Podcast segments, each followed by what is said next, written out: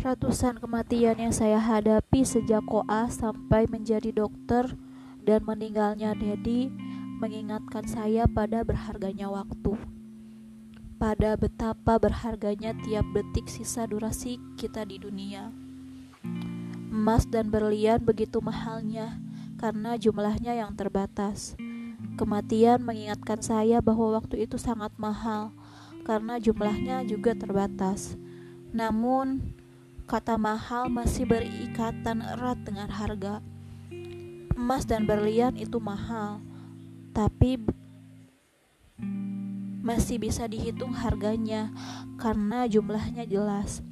Sedangkan waktu tidak diketahui berapa sisa yang kita miliki di dunia. Saat sisa waktu itu habis, maka itu benar-benar habis. Waktu lebih dari sekedar mahal. Waktu itu menjadi sesuatu yang sungguh tidak ternilai.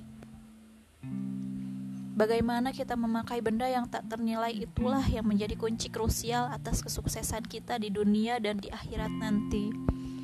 Oleh karena itu, jangan pernah menunda apa pun hal-hal yang penting. Lakukan sekarang, tidak ada yang pasti pada kata-kata nanti. Selalu lakukan sekarang, kerja keras sekarang, ibadah sekarang, kejar impian sekarang, sedekah sekarang, berbuat baik sekarang. Jangan pernah sia-siakan waktu.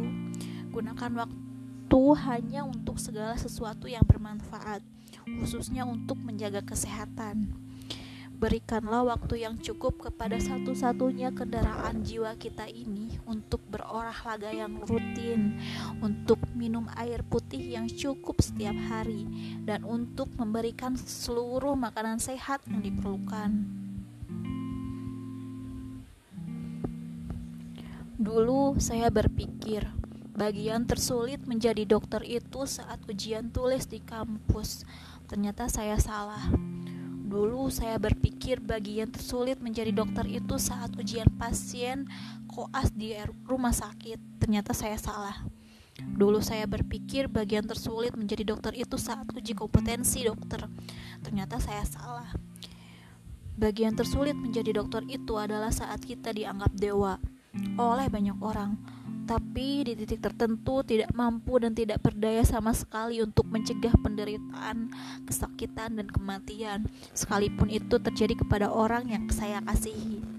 Itulah yang menjadi kepedihan yang luar biasa bagi seorang dokter, dan itu diperparah oleh kenyataan bahwa orang yang saya kasihi itu jumlahnya banyak, termasuk siapa pun yang membaca buku ini. Oleh karena itu, sayangi dirimu, sayangi dirimu, sayangi dirimu.